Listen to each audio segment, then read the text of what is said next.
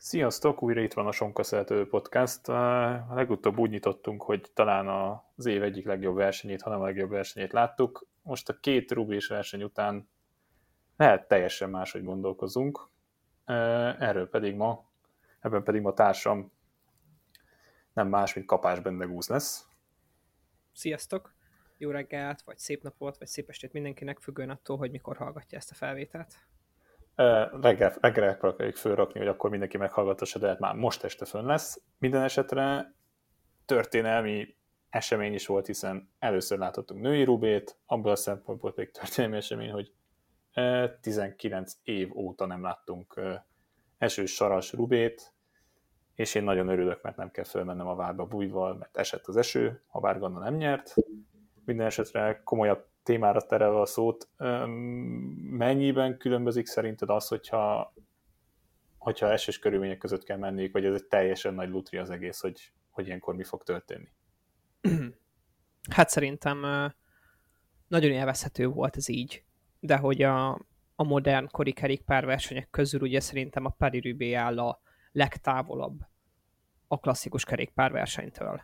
Tehát, hogy szerintem ez a mű, szerintem ez az, ez egész verseny egy külön műfajba tartozik. Ha mondjuk egy, egy klasszikus egynapos nézünk, mondjuk egy, egy Sanremo-t, akkor az teljesen más. És ugye ezeknek a nem klasszikusan országúti versenyeknek az ázsiója az elmúlt években ugye felszökött.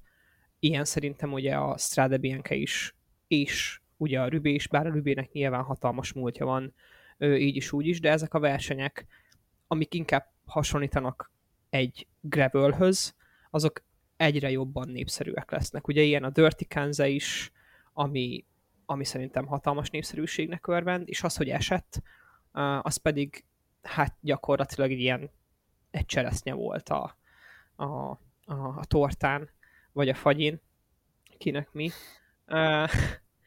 És, és borzasztó élvezhető volt, mert hogy nagyon-nagyon szenvedtek ezek az emberek. Hát jó, de azért, hogyha külső szemlélőként könnyű, könnyű azt mondani, mert nyilván úgy, úgy álltunk mi is hozzá a posztokba, és azért, hogy úristen, ez mennyire jó lesz, ez mennyire jó lesz. Igazából, ha azt nézzük, jó, a női verseny azért Annemiek van Flöten elég komoly sérülés szenvedett, férfi verseny is voltak nagyon komoly bukások, de hogy azért ez mégse emberi teljesen jó, nyilvánvalóan két sportágról beszélünk, bármi közben játszott, de hogy azért itt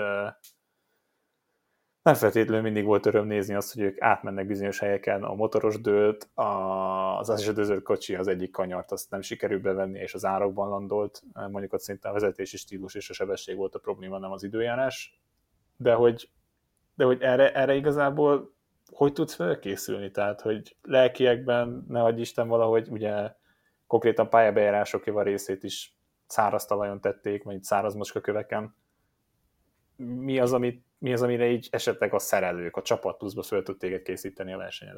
Hát én azt gondolom, hogy nem is csak téged, bár ugye leginkább azok a versenyzők tapasztaltak, akik egyébként is elég cudari körülmények között edzenek. Ugye itt volt egy rendkívül intelligens Facebook, Facebookos okfejtés több kedves hallgatótól is, hogy miért van az például, hogy a női versenylő győztes a Daignan kesztyű nélkül tekert, hát azért ugye valószínűleg azért, mert Pedersenék, akik ilyen időben edzenek, átadták ezt a, a know-how-t, ezt a tudást ugye neki, vagy ezeket a tippeket neki. Szerintem azt készíthet fel igazán jó a téged versenyzőként erre a versenyre, ha egyébként is borzasztó jó kerékpárkezelő vagy. Tehát ugye a neved ugye vagy Sagan, vagy komoly mondjuk CX-es háttérrel rendelkezel, vagy más disziplinákban is egyébként jeleskedsz.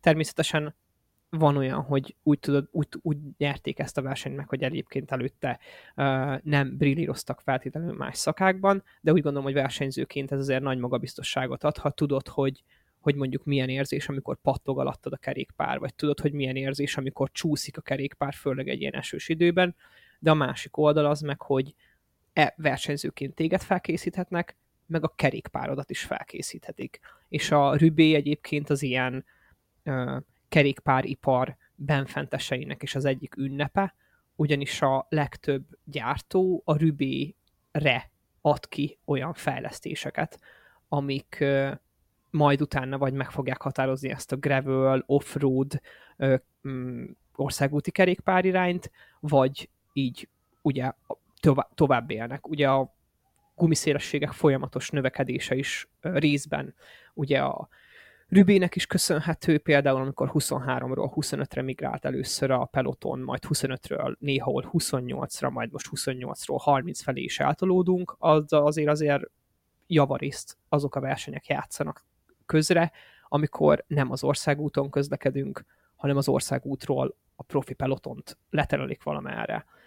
És a guminyomás például az egyik, ugye itt például mm. Diognen egy ilyen borzasztó alacsony guminyomással is indult, amit a férfiak is hordoznak, tehát hogy egy normál országúti kerékpárnak valahol 5 és 8 bár között áll meg a guminyomása. 8 bár az már elég kemény, mondjuk, mit tudom én, egy ilyen normál kerékpáros, mint mi, olyan 7 báron közlekedhet.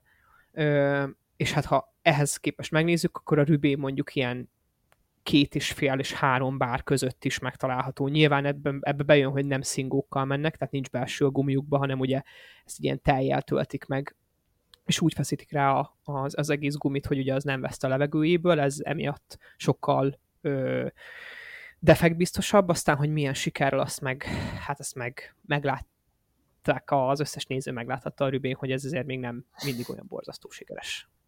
Nem, hát azért is mondom, mert ténylegesen láthatunk itt a múltban teleszkópos Bianchi, teleszkópos bicikliket, hasonló próbálkozási lehetőségeket, valaki mondta, hogy jók a dolgok, mondtam bike aztán meglátjuk, mi lesz. Um, azonban, amit te is mondtál például, hogy uh, Lizzie Deignan bevállalt egy olyan dolgot, és akkor inkább itt még nem is a női versenyen térnék rá, hogy hanem még kicsit előtte, hogy, hogy uh, jó, mi Pro Cycling Managerem azt mondtuk, jó, induljon az egy első emberünk, nem a legjobbunk, de valaki menjen előre, és hát, ha egyszer hazaér. Most nem azt mondom, hogy Dynernek ez volt a próbálkozás, nyilván nem, ő is mondta, hogy hát nem számított teljesen arra, hogy ez így működni fog, de meg kellett próbálnia. És nyilván elő volt, nem kapott mástól sarat, saját tempójában tudott menni, nem zavarta senki a macskaköveken, és ugye pont ez is a kérdés, hogy például ami Colbrelli véghez vitt ilyen szempontból, az is rohadtul nehéz, mert valaki mögött mész végig, és sokkal inkább nehéz alkalmazkodni máshoz, macskaköves területeken, mert előtte esik valaki, előtte kiborít valaki, előtte pattan úgy egyet a biciklivel, hogy az, arra te nagyon furcsán tudsz reagálni, és nagy Isten elesel. Szóval Colbredit ekézni szoszó megértem valamilyen bizonyos dolgok miatt, de pont emiatt nem, mert nagyon nehéz versenyt futott, és beladott mindent. Másrészt miért esetlegesen mégis az a legjobb megoldás, hogy nem is az, hogy saját tempót, hanem egyedül próbálsz menni, mert nyilván szűk utak, helyezkedés, mi az a másik, amire még itt főleg esős körülmények között nagyon kell figyelned, hogy nem látod feltétlenül az élét a macskakőnek, vagy nagyon nagy a sár az egyik oldalon, vagy esetleg víztócsa, konkrétan nem tócsa, itt tavak alakultak ki több helyen. Miért, erről miért meg, kell, igen, erről meg lehetne kérdezni Péter Szagant, igen, hogy hol van víztócsa, meg hol van tó, meg mibe lehetne bedobni a, nem tudom, fenekező pecabotot, mert biztos, hogy a PHD tudna róla írni. Um, reagálok arra is, amit egyébként feszegetsz, hogy ugye szóval ugye a rübét, az emberi szerintem az emberi elme viszonylag egyszerű, és amúgy nagyon szeret más nézni, szenvedni sport közben. Ez valamiért egy csomó embert ilyen elégedettségérzéssel tölt el. Viszont az, amikor valaki esik egyet a pári rübén, az nem az elégedettségérzés fokozza benned, hanem a te könyököd is elkezd fájni, meg a te vállad is elkezd fájni, meg ha látod, hogy hogy ütik be a fejüket, akkor a te fejed is elkezd fájni tőle, csak attól, hogy nézed, és szerintem mi elég sok kerékpársportot nézünk, hála az égnek, de még amikor én visszanéztem egy párszor a, a hosszú áttekintést is, akkor is, amikor láttam, hogy milyeneket zakóznak, mind a hölgyek, mind a férfiak, minden egyes esésnél majdnem felsziszentettem, annyira fáj és annyira pattannak. Amit mondasz, az ugye arról szól, hogy alapvetően a rübén a kockaköveken is tudsz közlekedni, a kockakövek évesek, tehát középen az út egy kicsit magasabb, oldalra pedig ugye lefele lejt, a két oldalra, hogy a víz át tudjon róla folyni. De most alapesetben, amikor nincs víz, akkor a kockakő út két oldalán is lehet közlekedni. Amit a kerékpárosok egyébként ezen a versenyen szoktak is használni, ugyanis ott néhol gyorsabb haladni, mint a kockaköveken. Viszont mind a két verseny, en voltak olyan szektorok, a férfi verseny ugye végig volt, a női versenyen néhol lehetett használni egeszeket, de a legtöbb úgyis ott is nedves volt, ahol az oldalívet nem lehet használni. Emiatt a kockaköveken kell menni. Most a kockakövek borzasztóan csúsznak, úgyhogy ha a biciklit nem engeded el, olyan értelemben nem engeded el, hogy nem engeded a saját útját megtalálni a kerékpárnak, hanem te erővel bele akarsz nyúlni, akkor a csúszós nedves kockaköveken az ív, a domborulati ív tetején, ha egy icipici féket megérintesz, nyilván ezek marha jól működő tárcsafékek minden körülmények között. Most már senki nem megy egyébként patkófékkel Na, Parirővén, ami... Laportot kérdez meg, hogy hogy működött az a fék, mert... Uh, igen, nyilván azért igen, vannak kivételek a mindig jól működő, kiválóan működő tárcsafékekkel. Uh, Laport, Christoph Laport a hát a lábával fékezi a kerékpárt. Zseniális. Um, ha megérinted a fékeket, akkor gyakorlatilag abban a pillanatban kicsúszik a kerékpár alólad. Ugye emiatt mondtad azt az előbb Colbrellire, hogy itt ebben a szituációban tenni a kereket valakire legalább annyira kockázatos és kimerítő, mert ugye figyelni kell folyamatosan az előtt történő eseményekre, mint elindítani egy szökést, és egyedül meg, megpróbálni megnyerni a versenyt. Ugye azért csinálsz ilyenkor szökéseket, mert egyrészt a saját tempódot akarod menni, másrészt jó a csapatod, bízol abban, hogy a csapatod tudjuk, tudja az üldözést hátul kontrollálni, harmadrészt azért, mert hogyha kerékpár kezelés technikai hibát vétesz, akkor akarsz magadnak szó szerint helyet adni arra, hogy ö, tudd azt korrigálni. Harmadrészt pedig ugye ráttuk például, ha most függetlenül akarok nemtől hozni példákat, akkor Fanárt gyönyörűen kikerülte. Kit került ki? Nem, Fanárt, a Fanárt amúgy fékezett, ott előtte buktak az Árenbergen, de Colbrady amúgy egy nagyon jó példa, mert Lukro pont előtte Ö, hát igen. Ott, ott, hogy Lukró mit csinált, azt majd a férfi versenynél megbeszéljük, de hogy ott pont egy sasszézott egy eléggé furcsát, amit Colbert egy hatalmasat mente tudott megkerülni. Fanárt meg igazából Fanártnak valószínűleg ott ment el a verseny, ugye a, pont, pont az Árenbergen. De hogy Szerintem igen, ez hihetetlen. Swift, Swift volt, Ben Swift volt talán, akit kikerült. Ö, igen, hát ő nyilván Fanárt, pont, pont itt mutatkozik meg egy zseniális kerékpárkezelés, hogy Fanárt egy ilyen szituációban az Árenberg lefelé lejtő részében ki tud kerülni egy másik kerékpárost fékezéssel. A Pári Rubén úgy, hogy minden kockakő úgy csúszik, mintha, nem tudom, mintha cukorral lenne kikenve. Na igen, ez a, ez a nem mindegy, mert ugye ez, ebből a szempontból is hát most akkor rátérve a női versenyre, nagyon-nagyon nehéz dolgok volt, hiszen nyilvánvalóan úgy készültek, azért először volt ez a verseny, mégiscsak teljesen más körülmények, nyilvánvalóan nekik is volt Strade bianca de mégse macskakövet, macskafőhöz nem fogható, meg azért egy Flandria mégiscsak más, mert ott ezek emelkedőkről van szó, nem ilyen, nem ilyen dolgokról. És ugye hát nem teljesen kaptunk itt közvetítést, de amire a közvetítésbe becsatlakoztunk, ugye Lizzie Dying nem már a világ végén járt körülbelül, 81 kilométerrel a vége előtt indított, ugye fontos kiemelni, hogy lényegesen rövidebb volt a női verseny, mint a férfi verseny, azonban számomra csalódás keltően nem volt benne az árember például, de ez egy másik kérdés, és Lizzie Deignan hát megpróbálta a lehetetlent, nagyon korán indított, nagyon korán nagy előnye tett szert, és folyamatosan két perc környékén tudta tartani az előnyét, Ugye ezt a férfiaknál Gianni Mosconál láthattuk, hogy elég, elég nagy előnyt tudott kialakítani, azonban Dijkmannek az az egy hatalmas momentum volt, amikor konkrétan nem is tudom, keresztül kasul csúszott szegény ott az egyik részen, de nem esett el, és tovább tudott menni, és hiába dolgoztak mögötte össze, és hiába voltak itt komolyabb csoportok, egyszerűen nem képtelenek voltak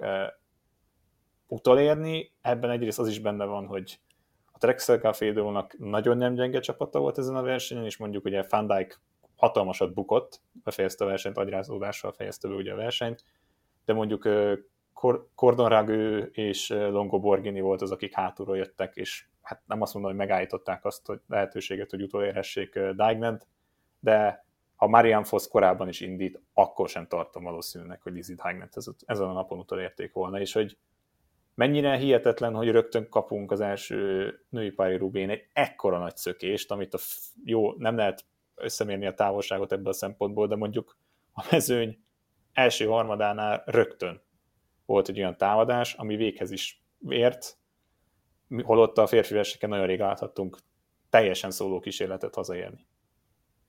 Hát ö, szerintem ebben benne van az, a versenyzésnek a mentalitása. Például az, hogy hogy azért a nőknél is ugye rendkívül sok versenyző van, aki tényleg mondjuk mindenféle helyen ott van, mindenféle szakákban mozog, vagy otthonosan mozog. És hát azok szerintem úgy gondolták valahol, hogy azért egy rübé benne van az, hogy egy picit hagyhatják elcsúszni a szökést. Ugye, ha mondjuk Monti maratonon kapsz egy két percet, az semmi. Ha CX-ben kapsz 20 másodpercet, az egy fényév. Ha országúton egy egy-két perces szökést megpróbálsz elengedni, akkor az valószínűleg még kontrollálható. Én úgy gondolom, hogy elszámolták magukat. Én is azt gondolom, amit ugye te is hangsúlyoztál, hogy eleve azért is indíthatott meg Daignan, mert hogy egy nagyon erős track volt mögötte, ugye akkor még számolhattak Fandajkal, és ugye számolhattak Longo Borghinivel, akik egyébként is esélyesek voltak, szerintem top esélyesek voltak, mind a ketten is lehetett, tehettek volna kettő meg három csillagos nevek is, főleg Borgini mondjuk. és elengedték emiatt őt próbálkozni a szökissel. És amikor szerintem bekapcsolódtunk a közvetítésbe, és majd javíts ki, hogy hogy, hogy, hogy rosszul emlékszem, de én 50 kilométerre emlékszem egyébként a, a körül, igen. A körül, amikor be, bekapcsoltak minket, ö, akkor már ö, látható volt, hogy ez egy ilyen igen komoly ö, szökési kísérlet, és mondjuk ha Foszt vesszük, akkor ő, ha ezt megpróbálta volna lezárni, akkor is ö, az nagyon komoly erőfeszítésébe került volna, amivel nem tudom, hogy számoltak-e. És az üldöző csapat ugye három emberrel üldözött a Movistar, vagy három emberrel üldözte Diagnant a Movistar, három emberrel üldözte a, a Jumbo Visma, három emberrel üldözte az SD Works, és a üldöző csapatban három track blokkolót kaptunk, és ugye ők meg is oldották. Folyamatosan ugye hatalmas nagy esések voltak, ugye én arra emlékszem, de majd úgyis kijavítasz, hogy ugye beszámol is egy hatalmasat esett. Hát ott a lába, igen, a lába is jól nézett ki utána. Igen, ö, és hát ugye nyilván ugye a, a, a, a Jumbo-ból is estek, tehát hogy mindenki döltek, bolta, döltek borultak, és én is azt láttam, hogy ugye nagyon sok esés rántott is magával többeket. Én jól emlékszem, hogy volt az üldöző csoportunkban is egy esés, nem? Volt, azért mondom, hogy egyrészt teljesen amúgy is szokatlan körülmények nyilvánvalóan, mert nem volt macska köves verseny nagyon korábbiakban, amit már itt ilyen tempóval csinálod meg, tehát nyilván a frontjai kör ott van jó ideje, de hogy ez is azért hozzá kell szokni biztosan, hiába nagyon tapasztalt versenyzőkről van szó, mégiscsak először, először csináltak egy ilyen versenyt, Másrészt meg az a tempó, amit utána el kellett kezdeniük menni, tehát hogy öm, ott volt ugye Daignan elő, nyilvánvalóan a track nem szállt be, de a másik csapat, többi csapat azért elég rendesen próbálkozott, és ugye Daignan rögtön a első macskaköves résznél előre ment, és onnantól nem látták. Tehát onnantól nem látták a célig. Igazából nem is tudom, ebből is látszik, hogy a legjobbaknak is lehet nagyon szerencsétlen nap, és kerülhetnek nagyon szerencsétlen bukásba, hiszen fanflőten, mint mondtuk, csípőjét törte, azért elnézést kérünk, ugye, hogy az nyilván orvosügyileg rábra állítják az ilyen embereket, tehát 40 órával azután, hogy ő megműtötték, azért állt mert muszáj ilyenkor neki, de akkor is már a biciklin ült, mármint, hogy úgy érte a biciklin ült, hogy a szobabiciklin ült. Görgőzött, igen. Úgymond görgőzött, igen. Azért a kórházban nem hiszem, hogy odarakták alá azt a kanyonbiciklit, amivel ő éppenséggel elindul, de lényeg a lényeg, hogy remélhetőleg hamarosan formába lendül, de hát azért csípő csípő, két helyen is eltört a csípője, meg ugye a válla is eltört. Láttunk bokákat kicsit furcsán állni. Nagyon kemény első verseny volt, de nagyon örömteti számomra az, hogy egyrészt volt közvetítés, hiszen például a, az angol körön, a Women's Touron egyáltalán nem lesz élő közvetítés, ami most indult el, másrészt pedig az a Trek Segafredo-nak az a, nem is tudom, hogyan fogalmazzak, az, az, az, hogy megteszik ezt azért a, a versenyzőikért, hogy egyszerűen nem fogadják el azt, hogy 1535 eurót kap a győztes, hanem kiegészítik a férfi győztes pénzösszegére, ami 30 ezer euró, és ugye ez Lizzie Dignan megkapta, valamint Longo Borghini-nak is a pénzdíját felemelték a harmadik helyezettjére a férfi versenyen, szóval ezért nem fog itt tapsolni a mikrofonot, de tényleg kalpolt megemelés nagy tapsiharjára a Trek Segafredo-nak. Ugye egy elismerést azért még Diagnannek ugye oda kell adni, hogyha már róla beszélünk, és ez az az, az az elismerés, hogy ő úgy nyerte meg ezt a versenyt, hogy ő édesanyja. Igen. És azért... az édesanyaság, hát az anyává válás után jött vissza ebbe a formába. Igen, azért e, nagyon-nagyon jó versenyzőről van szó, szóval előtt is nagyon jó versenyző volt, és mondjuk ez is mennyivel másabb belegondolni abba, hogy hogyan gondolkozhat például egy női versenyző, hogy férfi versenyző ilyen nincsen, ugye pont Yves Lampardnak jön fel a, erre az egész, amit meséltek, hogy hát, hogy ő külön adott a gyerek, más szinten adott a gyerek, csak az anyuka költ fel, ugye hallottunk bizonyos dolgokat egy bizonyos kisvárdai sportigazgatótól labdarúgás szempontból, ami maradjunk annyi, hogy undorító, de hogy abba bele gondolni, hogy ténylegesen ő mindezt amellett csinálja, hogy anyuka, és tök mindegy hány éves az a gyerek, akkor is így csinálja, és, és visszatér, és hogy ez mekkora nagy dolog ténylegesen, hogy az első női pári rubét egy anyuka nyeri meg, és ez, és ez nagyon szép, és hogy még mindig versenyez, és milyen formában versenyez, és hát láthattuk a tenyerét és a készfejét eléggé jól nézett ki a verseny végére szegény. Igen. Tehát, hogy ez egy hatalmas nagy elismerés, a másik ugye egy, egy technikai hát technikai széjegyzet, hogy ugye a Trek azt is kipróbálta ezzel, hogy a, az egyébként az országúton ugye emondákkal versenyzik a csapat. Igen, Ez igen. egy ilyen, hát egy, egy, egy szokásos aerobringa, amit várnánk, és a Rübén pedig nyilván, aki figyelte, vagy otthon van esetleg a márkának a, a márkacsaládban, akkor az láthatta, hogy, hogy ott egy doménnel versenyeztek. A domén az a országúti Endurance márkacsaládja ugye a treknek, és többek között ezt a trekket használta CX-ezni egy bizonyos Tom Pitcock is, akiről hát mint tudjuk, amit tudunk, hogy igen tehetséges versenyző, és hát nyilván akkor, amikor még nem volt Ineos Grenadier, mert most már Pinyarellót használ, de, de hogy ez egy nagyon fontos változtatás volt, ami szerintem jól is jött az egész tracknek, ugyanis a Canyon, Canyon bringát használók, illetve a Cervelo bringát használók, itt most ugye a Movistar meg a meg a Jumbo ismerhet magára, ők alapvetően nem cserélték le a váz dinamikájukat, és maradtak az országúti felállásnál, ami hát lehet, hogy bele is került nekik valamilyen pozíciója a Pári Rübén.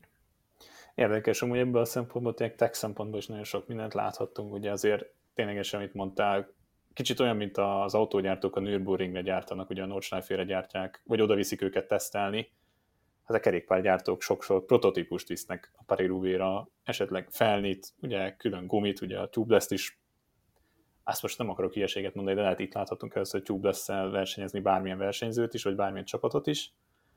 Azonban térjünk rá a férfi versenyre, ahol hát szintén egy eszméletlenül nagy formában levő versenyző nyert, az Európa bajnok uh, Sonic Olbrelli, azonban olyan napot láthattunk tényleg, ami ugye a női verseny is azért már sár, telibe ott a végén kezdett esni az eső, tehát amikor már külső részekre jöttek, a férfi verseny pont fordítva volt, hogy ott az elején esett nagyon az eső, és a végére száradt föl az egész, de nagyon-nagyon brutális körülmények között indultak el. Szerencsére az időjárás majd abban a szempontból, hogy hőfok szempontjából nem volt annyira-annyira gáz, de hogy nagyon kemény lehetett egyáltalán ilyen körülmények között menni. Van der Poel ugye fehér zokniban, fehér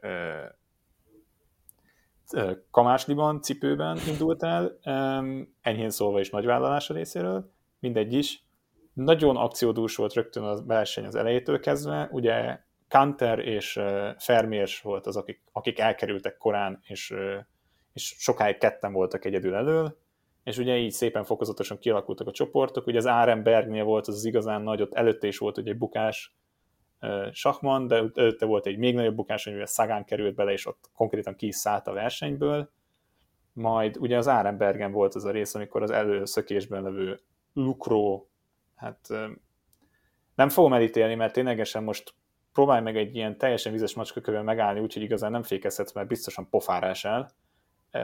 Tény és való az abból a szempontból, hogy kicsit jobban figyelhetett volna. Mats Pedersen akkor átbukott, hogy az első villájéből eltölt, és helyből föl kellett adni a versenyt. Itt került nagyot Sonny Corbelli, Van Der Poel ugye teljes tempóval ment el mellett, és mögötte ment Colbrelli, és szépen elő pedig ugye Moszkon, mindenki nagy kedvence, Gianni Moszkon, egészen biztosan vagyok benne, hogy élete versenyét futotta, de jött, el, el tudott menni 50 valány kilométerrel a vége előtt, el tudott szakadni, nagyon komoly előnyt tudott kialakítani, ami tudjuk, hogy azért a verseny végére így is, is csökkent volna, azonban nagyon jól nézett ki neki a helyzet, és um, ugye defekt, és itt jön egy kérdés például, hogy mennyire múlnak apró részleteken az egészek. Ugye, amit mondtunk, a guminyomás.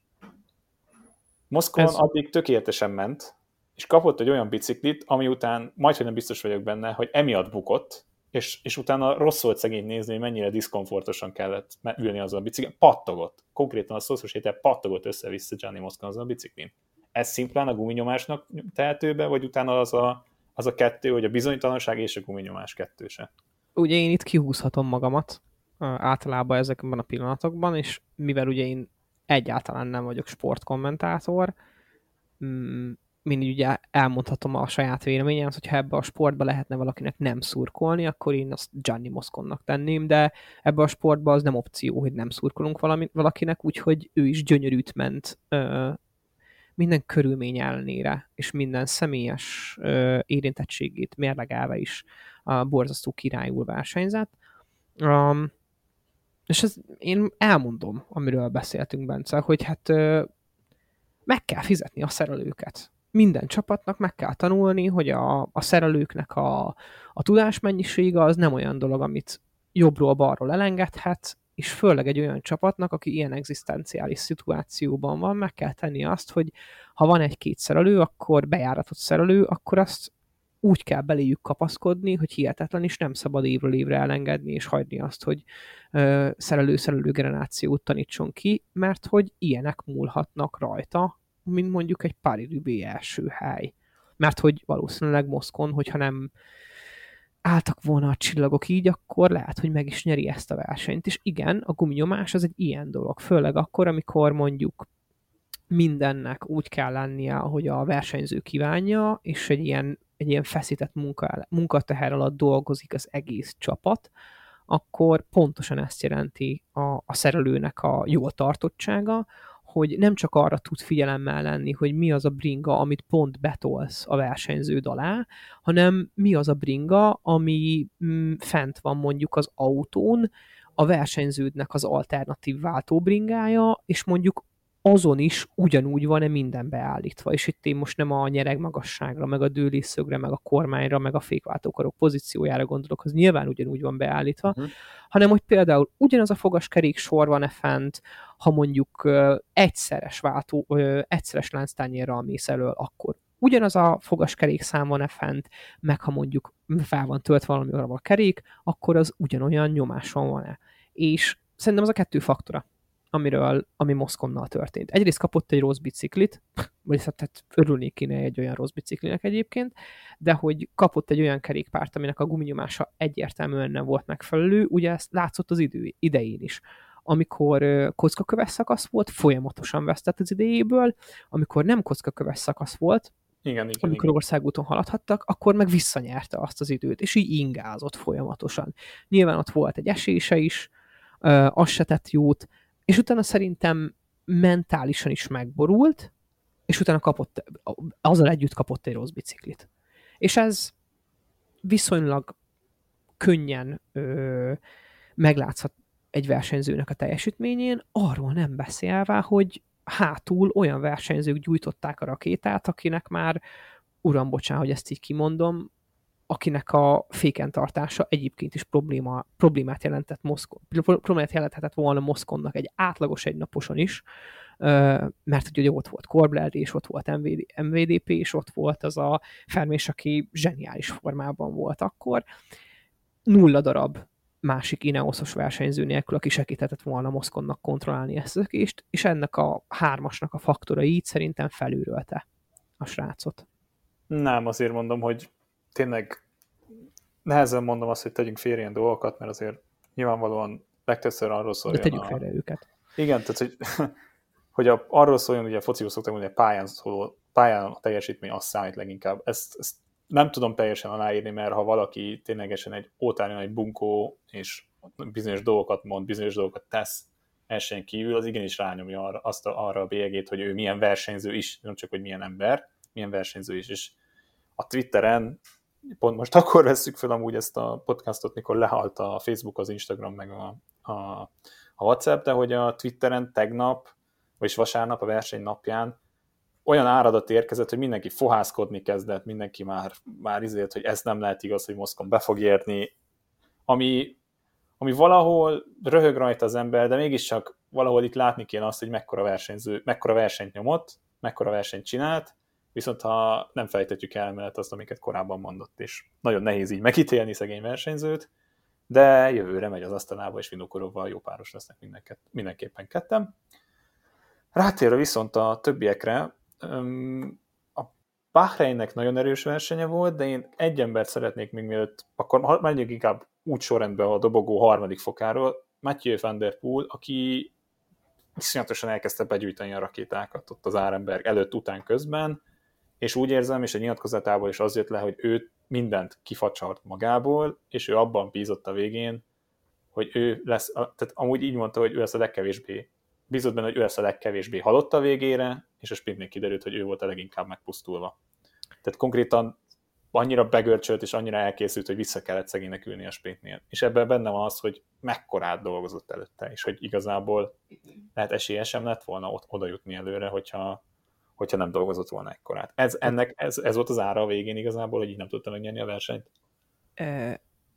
Most majdnem azt mondtam, hogy hát ők is emberek de azért ez, elég, ez, ez, ez szerintem egy elég erős megárugaszkodott kijelentés lenne, ugyanis, hogyha egy kerékpárversenyzőt egy emberhez mérünk, egy átlagemberhez mérünk, akkor nem, ők nem emberek, teljesen más erőkifejtési, meg regenerálódási kapacitással rendelkeznek, ettől függetlenül mind hordozzák magukban azt a tulajdonságot, hogy, hogy véges és kimeríthető forrásokkal rendelkeznek, ugyanúgy, mint egy átlagember, csak egy átlagembernek sokkal hamarabb elfogynak ezek az erőforrások.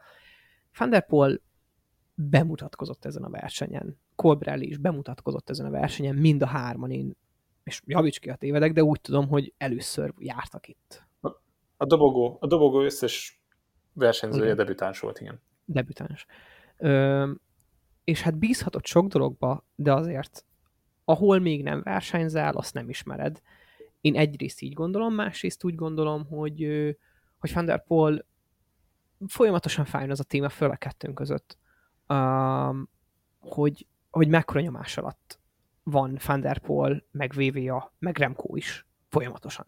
És szerintem Van van, volt idén a legnagyobb nyomás alatt, ugyanis tőle várja mindenki azt, hogy ő legyen, nem tudom, ő legyen a hát a holland kanibál, vagy nem tudom, hogy milyen, hogy, hogyan tudnám ezt apostrofálni, és volt is a srácnak egy igen erős szezonkezdése, majd a szezon végén nem azokat a helyeket sikerült hoznia, amit a holland szurkolók elváltak tőle. És hogy és szerintem, hogyha valaki tud szurkolói nyomást kifejteni, akkor azok a, azok a hollandok, mert az emberek mindenhova mennek, mindenhol narancsárgában vannak, és mindenhol ordibálnak a csapat kedvencéért.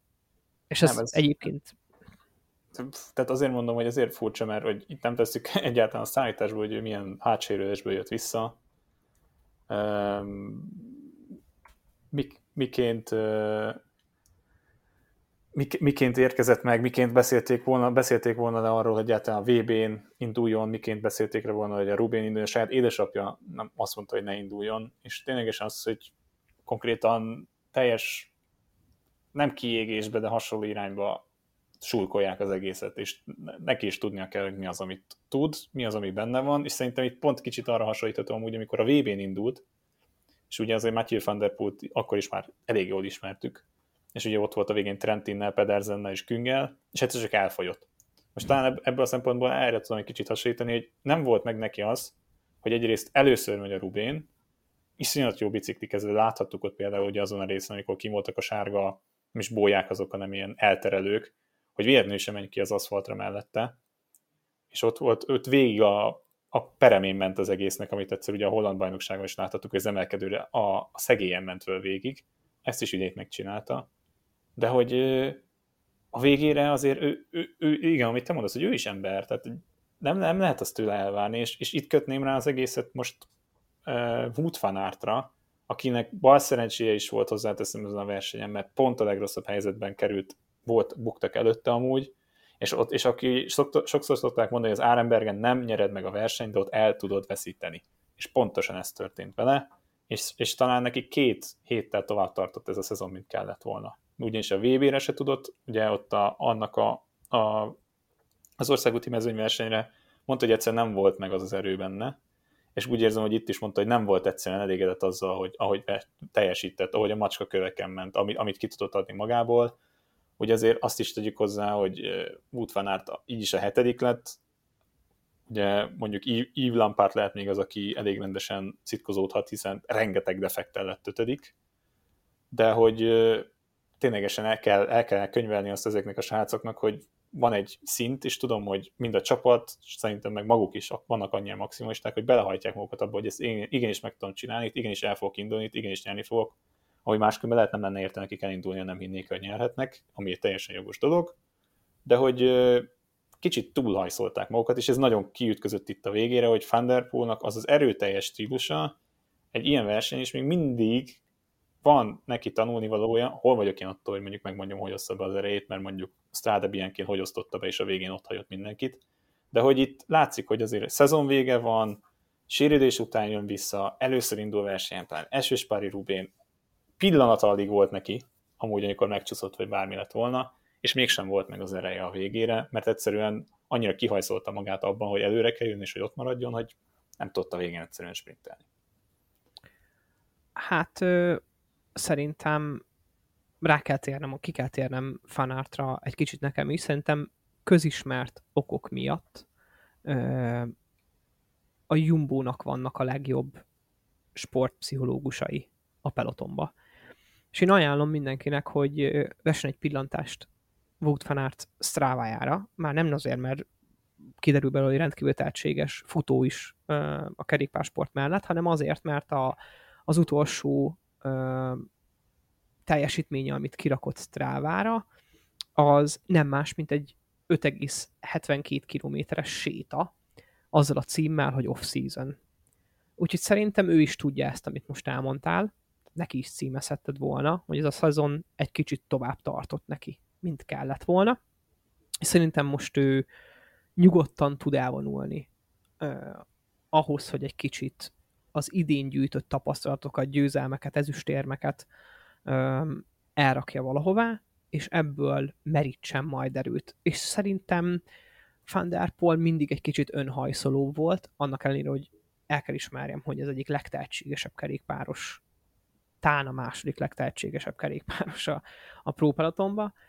Fanart viszont most legalábbis ezzel, amit most látunk róla, így a közösségi médiában is megjelenve, mert hogy a Strava egyébként közösségi média, igen, az közösségi média, nem egy sportoutlet, azzal egyébként igazi nagyságot is tud sugalni magáról. Fanderporról viszont Fanderporról pedig azt látjuk, hogy ő szerintem igen össze volt törve a paris után is. Amúgy is össze vagy törve egy paris után is, de szerintem ő ezt viszonylag komoly kudarcként is élhette meg ö, belülről, amit egyébként nem kellett volna neki kudarcként hát, megélni. Igen, a, azt mondtad, hogy, hogy hogyan néztek a végén, meg hogyan néztek ki a végén, amúgy talán a leg árulkodóbb, vagy legtöbbet mondó kép az az volt, mikor Colbrelli felemelte a trófeát, és Fermérs ugye, hát nem, ki, tényleg nem sírt szemekkel, mert szerint annyira tele van sárral, meg porral a szeme, hogy nézett, és nézte a trófát és Colbrellit, és nagyon tudom, hogy nem lehet kiválasztani embert meg hasonló, de ténylegesen ő is nagyon megérdemelte volna ezt a győzelmet, hiszen ő is debütánsként volt ott.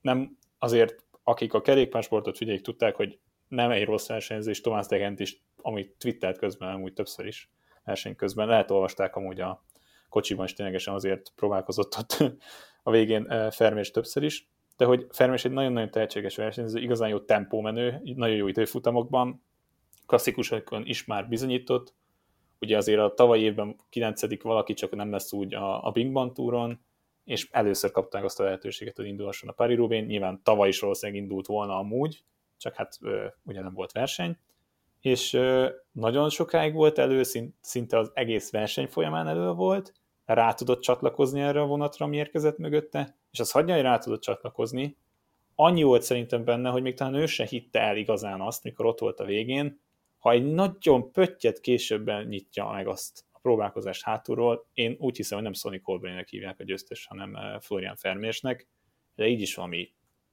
kegyetlenül nagy teljesítmény egy, egy ilyen fiatal sráctól, és, és biztos vagyok benne, amit ugye a közvetítésben is elmondtak, szerintem azóta a Belgiumban, a Het Newsban már le, le már az, abban a pillanatban írták a cikket és a címlapot, hogy az új Tombónen, de bízunk, bízunk benne, hogy azért bármilyen is nem sikerült a Lottónak jó ez a szezonja, egy jó csapatban van, jó kezekben, nagyon jó emberek veszik körbe, és hogy, és hogy jövőre azért szerintem még tőle fogunk egy pár villanás látni, és amit beszéltünk, a tempó menők, a jó időfutam menők bizony jók tudnak lenni egy Paris Rubén, főleg ha a családon belül is látszik, hogy ott azért elég sok tehetség van a családon belül, ciklokrosszon is, ha ilyen kerékpározási, kezelési tehetségekkel vannak megáldva. Egy második hely benne van Rubéban, de lehet még van följebb is nála. Ez szerintem most azért elkönyvelhetjük, hogy valószínűleg erről a srácról még hallani fogunk a, a própelatomból. Tehát, hogyha 22 évesen ilyen teljesítményt teszel le, akkor ö, nem csak igen jó szerződések, de egyébként igen jó pozíciók várományosa is vagy. És szerintem ez egy ilyen, néhol egy-egy ilyen kerékpárversenyzőnek lehet, hogy ez egy ilyen eléggé ilyen sokszerű élmény, hogy ő ezt kibírja, és utána az önbizalma is megnőhet arra a szintre, ami adott esetben indokolt is lenne. És hát Fermés számára ez egy egyértelmű jelzés, meg felrázás lehetett arra, hogy ő igenis képes erre. Úgyhogy én nagyon remélem, hogy egyébként nekem van némi affiliációm ezzel kapcsolatban, úgyis nyilván az, én az egynaposokat tán jobban szeretem, mint a Grand Tourokat. Szerintem általánosan rendkívül izgalmas versenyek, úgyhogy nyilván az egynapos menők állnak az én szívemnek a külön csücskének, a külön termének, a zip kerekek kiállított lámpái alatt, és hogy én azt gondolom, hogy ő lehet nagyon-nagyon jó egynapos menő, meg belenőhet ezekbe a cipőkbe. Nem tudom, az magáért beszél, hogy, hogy egy ilyen verseny után, ilyen körülmények között fel tudod venni egy sprintben a versenyt Matthew van der Poel-lal, Matthew van der Poel-lal, és meg is tudod verni azt. Vagy meg is tudod verni őt benne. Hát ez szerintem, ami tényleg el kell hinni, és el is hittem amúgy, hogy nagyjából hát, véletlenül nem volt ott, és amúgy itt ilyen rátérve az, hogy ott volt, hogy is nyilatkozott a végén? Igen, ott volt Matthew, meg a lottósrác, tehát hogy Colbert ennyire figyelte a kerékpársportot, most legalábbis a lottó startistáját, pláne, hogy azért, hogyha most nagyon nagy poén, poént mondhatnék, ugye, akik Colberit ekészték, azért ő valószínűleg látta ennek a két versenyzőnek a rajtszámát, mert a legtöbbször nem elölment. Ha-ha-ha, de azért Colbert is kivette itt a végén a, részt, a részét a dolgokból, főleg amikor hárman voltak, de hogy igen, rátérve Colbertre, amit, amit nem tudom, meg annyiszor elmondtunk podcastban, és ugye ez pont Van Der Poel és Van Aert esetében is a mentális higiénia, mentális egészsége az embereknek. Corbelli amúgy nagyban azt mondta, hogy ennek köszönheti ezt a győzelmet, hogy nagyon-nagyon rendben volt fejben, és nagyon-nagyon tudott koncentrálni. Természetesen minden egyes versenyzők, aki Pari Rubét nyer, a szerencsés az oldalánál valamilyen szinten, hiszen nem érték, akkor, nem érték esések, nem érték defektek, ugye Van is kereket, kerékpárt cserélt, de ott minden valószínűséggel probléma nem volt, csak éppenséggel az, hogy tiszta kerékpárral mehessen tovább, de azonban Colbrelli ténylegesen mindig tudta, és nem is hiszem, hogy rafinálta a versenyzet, jól versenyzett egyszerűen. Mindig tudta ki után kell menni, mindig jól tudta tenni a kereket, tudta, tudott Van Der Poel-lal menni, tény és való, messze nem vezetett annyit, mint Mathieu Van Der de nem volt megingása, és megérkezett a végén, és, és, és ilyen a kerékpárverseny sajnos kihasználta a lehetőséget. Ami például Zenek Sibának az egyik évben nem jött be, amikor Greg Van Avermaet nyerte meg a versenyt, hogy szinte végig utazott, és a végén másik a sprintben. Corbelli sokkal, sokkal kevesebbet utazott, mint annó Stibár, a végén azért elég rendesen bedolgozott, és azért csapatmunka is volt, hiszen a Bahrein nagyon jól helyezkedett, és jól rakták el az embereket, ugye hát Heinrich Hausler is megint tizedik lett, és azért Marco Haller is egészen nagyot ment az utolsó verseny a csapatánál, és Matej Mohoric is azért rengeteget hozta az elején a csapatot, Colbrelli ténylegesen nagyon nagy tiszteletet érdemel, mert hatalmas szezonon van túl, ugye ott azért ott is feljön az, hogy ugye Remco, mikor Remco mögött állt, és nem dolgozott be neki. Vannak, e, nem, ott azon a versenyen nem volt elvárható tőle, hogy bedolgozzon, hiszen nem egy hegyi menőről beszélünk, azonban láttuk a Tour de France-on is harmadiknak lenni hegyi szakaszon, és nem megvédeni akarom, vagy őt, őt most ténylegesen így az oltalmam alá venni, valaki véletlenül csak úgy nem nyert Paris Rubét, és Colbrelli ténylegesen nagyon jó versenyt tudott le, nagyon jó szezont tudott le, nagyon figyelt minden részletére a versenynek, nagyon ott volt fejben, és mégiscsak egy sprinterről beszélünk, aki a végén pont a közepére indult, és Fermi, és még pont le tudta reagálni, de azért látszott Colben is, hogy teljesen görcsbe állt ő is szinte a végére. És utána már csak ilyen, nem tudom, Walking Dead-esen, zombisan el tudta magát dobni, utána teljesen elbőgve magát, amikor megnyerte a versenyt. Először nevetésben kitörve, majd, majd elbőgve. Igen. Öm, hát Colbrelli tényleg folytatja ezt a teljesen semmihez nem fűzhető formát, nem hasonlítható formát, és az, hogy ő utazott, az, ahogy, az, ahogy a podcast elején elmondtuk, az legalább annyi veszélyt rejt magában, mint amennyi előnyt hordoz. Tehát, hogy Pári Rübén utazni viszonylag veszélyes dolog, főleg úgy, hogy persze ott van egy Fanderpol, akinek amúgy nyilván, ha te tapasztalt róka vagy, mint Colbrelli, akkor tudod, hogy az ő kerekére rakhatod, mert a srác olyan kerékpárkezelő, mint akihez foghatót nem látsz sokat úgy életedben. Nem a própelotomba, úgy ámblok életedben. De ott van ugye melletted egy fermés is, akinek a képességeiben nem feltétlenül vagy olyan biztos, mint, mint Van der Poliba, és ugye az ő kerekén is utazni kell. Ettől függetlenül szerintem Colbrelli néha még be is áll dolgozni, jobban beáll dolgozni, mint Remkónak beállt mondjuk a, a, az EB-n dolgozni, ahol mondjuk a nullánál csak többet lehet teljesíteni. Ettől függetlenül a végén azért megvert egy igen komoly sprintet, tehát hogy attól függetlenül, hogy hat óra versenyzés után ö, ilyen körülmények között nem tudom, én örülnék valószínűleg, hogyha bicikliről le tudnék szállni. Ezek az emberek meg ugye egy velodrómban sprintelnek. Ráadásul ez a srác Florian Vermés, ez, ez, ez annyira rendes úriember, hogy ő a Stráván a, a watt adatokat is megosztja, úgyhogy a rezidens watt per kilogram elemző Twitter oldal Amati Pirali ki is rakta az ő teljesítményét, 370 wattot átlagolt Vermés 6 órán keresztül. Kontextusba kell ezt helyezni, egy watt önmagában még semmit nem jelent. Öm, Na, 85 kiló a srác, 85 kiló a srác, 4,35 tized watt per kilót rakott le. Ö, úgy jellemezném ezt, hogy mondjuk én egy ilyen közepesen magabiztos amatőr vagyok, ö, akik, egy csomó hallgatóról tudom, hogy tekert már velem, ő ugye el tud nagyjából helyezni. Nekem ezt a 20 perces maxom meg sem közelíti. Ő meg 6 órán keresztül versenyzik benne. Kockaköveken. Mindenekkel keresztül. És nekem komolyat kéne fejlődjek, hogy ezt, ezt tudjam hozni. Pedig heti négyet edzek. Úgyhogy tényleg én, én már elég ilyen kerékpársportőrületnek számítok egy átlagembernek a szemében. Szóval akkor ez azt jelenti, hogy téged jövőre, amikor lesz az amatőr pari beiratunk, és majd a sonkaszerető kísér? Hát remélem nem. Jó, bérelt biciklivel mész, nem sajáttal, az teljesen egyértelmű. Tehát, hogy Akkor megvehető vagyok. van, van Isten, vagy nincs az, van Isten, klasszikusan az üvegtigrisből, akkor lesz bérelt bicikli, akkor van Isten. Minden esetre, akkor... ja, mondjad, igen. Semmi, befejeztem az idézetet. Ja. Minden esetre, ha már, ha már arról beszélünk, hogy magyar versenyző a Pari Rubén, ugye Szekhalmi Ványt után újfent volt uh, magyar versenyzőnk a Pari Rubén, ugye Prague barna indulatott a Bike Exchange színeiben, Barna is nem fejezte be a versenyt, de hát rengeteg versenyzőre ez ugyanúgy elmondható, és nagyon-nagyon sokan limitán túl érkeztek meg.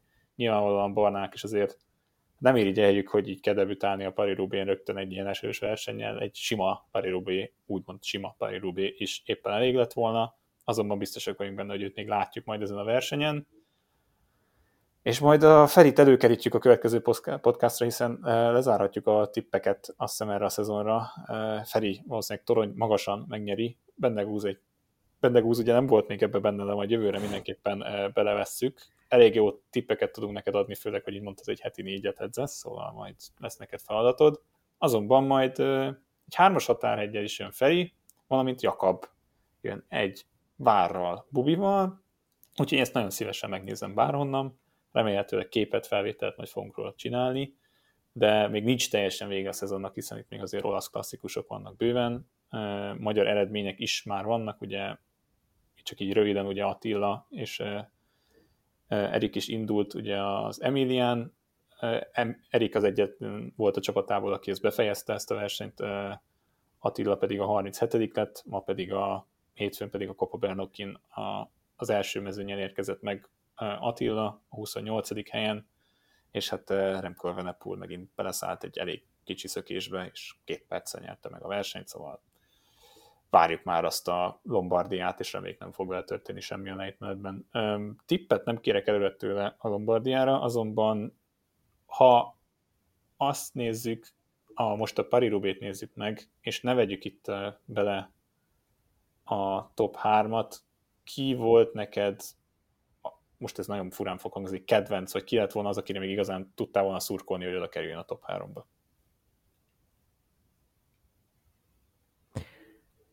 Csak olyat tudok neked mondani, aki, aki totál esélytelen volt volna a top 3-ba kerülésre. Az is jó, az is jó. Én borzasztóan szerettem volna Sagant Főnixként feltámadni, látni. De, és egyébként engem egy kicsit úgy le is lombozott akkor az, amikor hatalmasat esett. De én őt nagyon szerettem volna egyébként ö, potenciális kompetitorként látni, um, szerintem megérdemelte volna ezt. Én egy embert mondanék, szerintem, aki már hallgatta a podcastot, és elmondtuk már szerintem a is, hogy mi mennyire, mennyire, mennyire, mennyire szeretjük és sajnáljuk Sepp Márkot Jakabbal. Sepp Márk, egészen emlékszem addig a pillanatig, és megy Sepp Márk, és nem történik vele senki, semmi, indít, bukik. És még egy defekt. Sepp Márk a 23. lett a Paris Idén sem került oda nagyon hosszú, évek, hosszú év után ismételten bal szerencsés volt, bár szerintem nem ismételten, ez folyamatosan így van. De hogy valami pozitívummal fejezzük be, nagyon-nagyon jó versenyt láthattunk, és női rubét is láthattunk, és reméljük jövőre tavasszal. Hát nem feltétlenül kívánom azt, hogy esőset lássunk, de ismételten jó pari rubét szeretnénk majd látni. Úgyhogy, ja, bocsánat, mondjad még. Ez nem csak egy ez nem csak egy nagyon jó Paris volt, hanem ez egy történelmi Paris volt, és ebben a tekintetben a podcast is, podcast is történelmi, ugyanis ez volt az első női Paris értékelés. Hú, na, akkor tényleg pozitívan zárhatjuk, és bízunk benne, hogy még sok Paris értékelés és sok női versenyértékelés is hallhattunk majd tőlünk. Konkrétat most nem ígérek, mikor jelentkezünk, az biztos, hogy itt az olasz klasszikusokról azért még lesz mit majd beszélni, reméljük nem olyan eseményekkel, mint ami tavaly Remkóval történt, de biztosak vagyunk benne, hogy majd, hogy nem biztosak vagyunk benne, hogy két magyar versenyző lesz ott majd a Lombardián, ugye Walter Attila és Fette Erik, és szurkolhatunk majd nekik, valamint egy jó versenynek, és majd erről mindenképpen megpróbálunk nektek beszámolni. Sziasztok! Sziasztok!